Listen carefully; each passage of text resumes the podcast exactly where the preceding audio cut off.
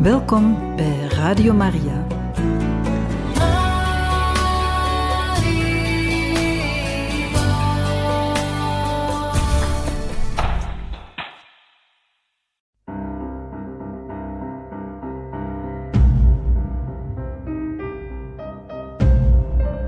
Het woord spreekt.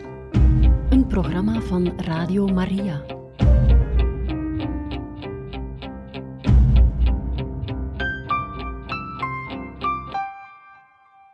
Beste luisteraars, van harte welkom bij het woord spreekt. We lezen verder in de Handelingen van de Apostelen, hoofdstuk 12, vers 1. Omstreeks die tijd liet koning Herodes enkele leden van de gemeente arresteren en mishandelen. Jacobus, de broer van Johannes, liet hij met het zwaard ter dood brengen. Omdat hij merkte dat dit de Joden wel beviel, nam hij ook Petrus nog gevangen. Dat was juist op de dagen van de ongedezende broden.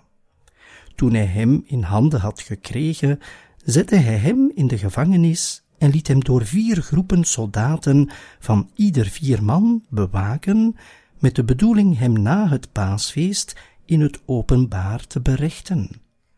Petrus werd dus in de gevangenis vastgehouden, maar in de gemeente werd vurig voor hem gebeden tot God.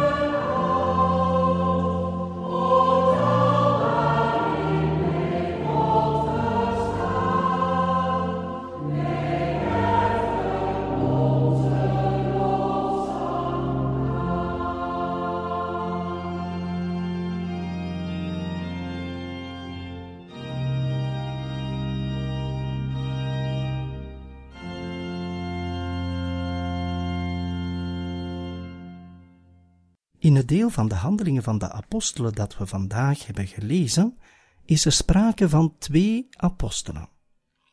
De eerste is Jacobus. En daar wordt bij gezegd dat hij de broer is van Johannes.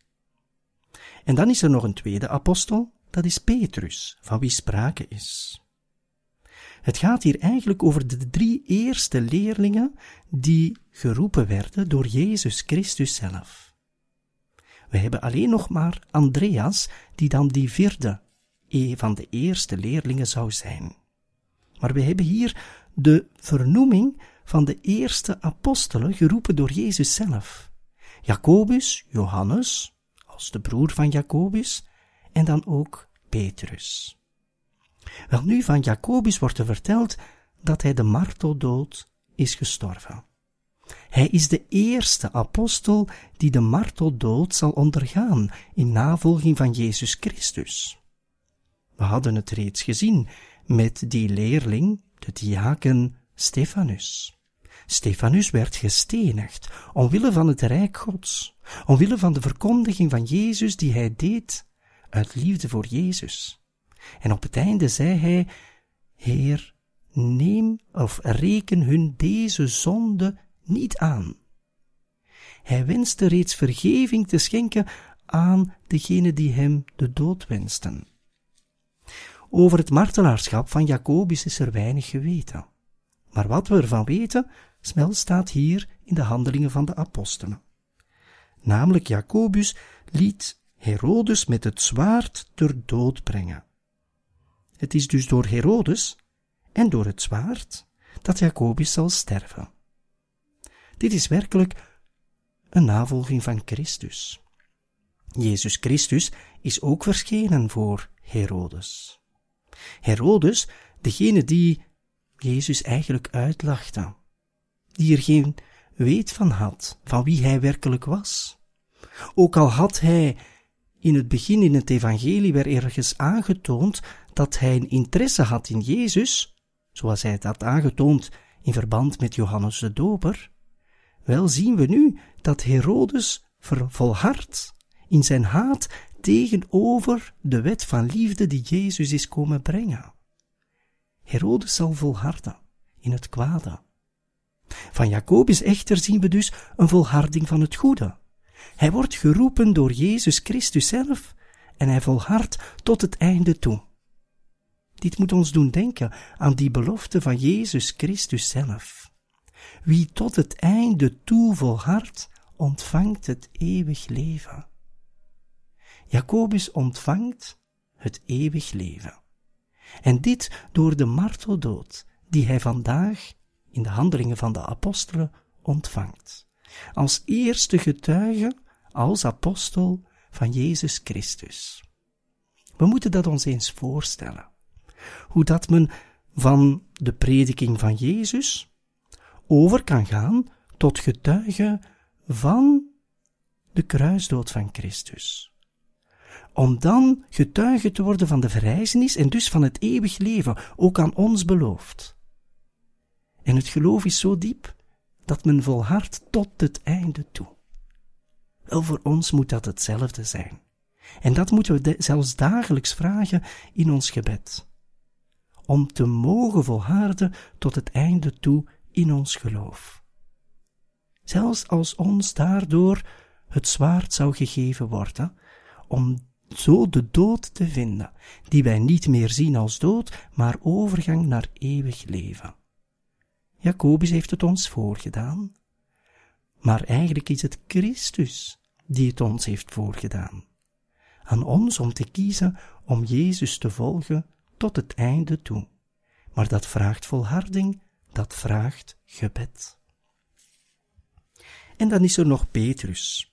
Petrus zal nog niet ter dood veroordeeld worden. Het was misschien wel de bedoeling, maar Petrus wordt in de eerste plaats gevangen genomen.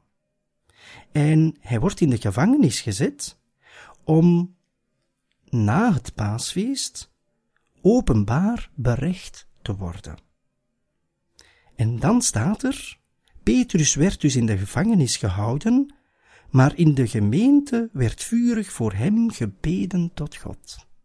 We hebben het reeds gehad over het gebed, een gebed dat wij moeten hebben om volharding te bekomen tot het einde toe, zoals de apostelen het hebben gehad. Wel, de gemeente, de eerste kerkelijke gemeente, zal bidden voor Petrus. Petrus die gevangen wordt genomen, en opdat Petrus dus ook zou mogen volharden. We herinneren ons Petrus die Jezus wilde volgen tijdens zijn proces, waarbij hij tot driemaal toe Jezus zal verloochenen. Elke mens is zwak. Zelfs Petrus was heel zwak op dat moment.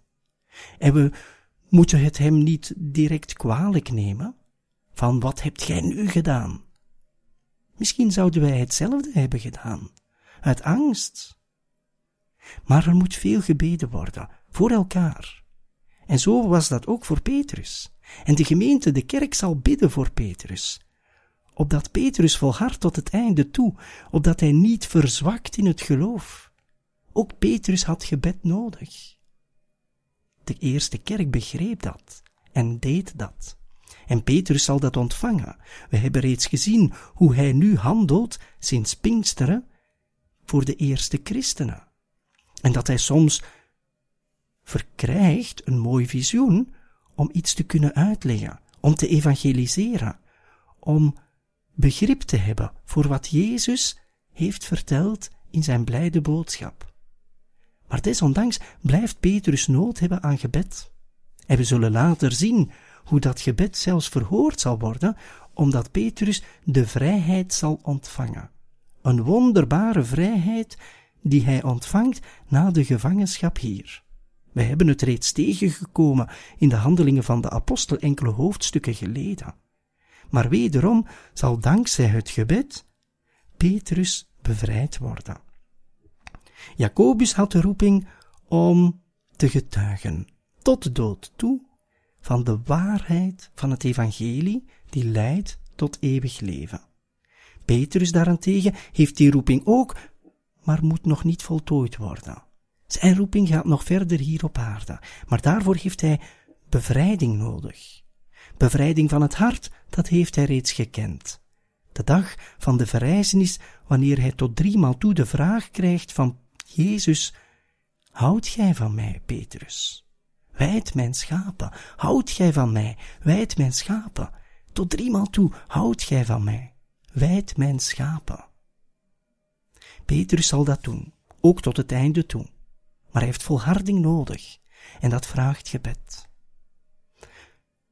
Vandaag is het voor ons misschien een uitnodiging om veel te bidden. Te bidden voor ons, voor onszelf, opdat ook wij volharding zouden ontvangen van Christus, om te blijven geloven tot het einde toe, ondanks, ja, soms de moeilijkheden, ondanks de twijfel, ondanks de verdeeldheid die er soms heerst, ook binnen de kerk. Blijf volharden in het geloof in het evangelie, in Jezus Christus, de Zoon van God, die is mens geworden. En de volharding die we dan bekomen, wel zal niet leiden tot de dood, zoals bij Jacobus het ook niet was. Want Jacobus, ook al is hij gestorven, leeft voor de eeuwigheid met Christus.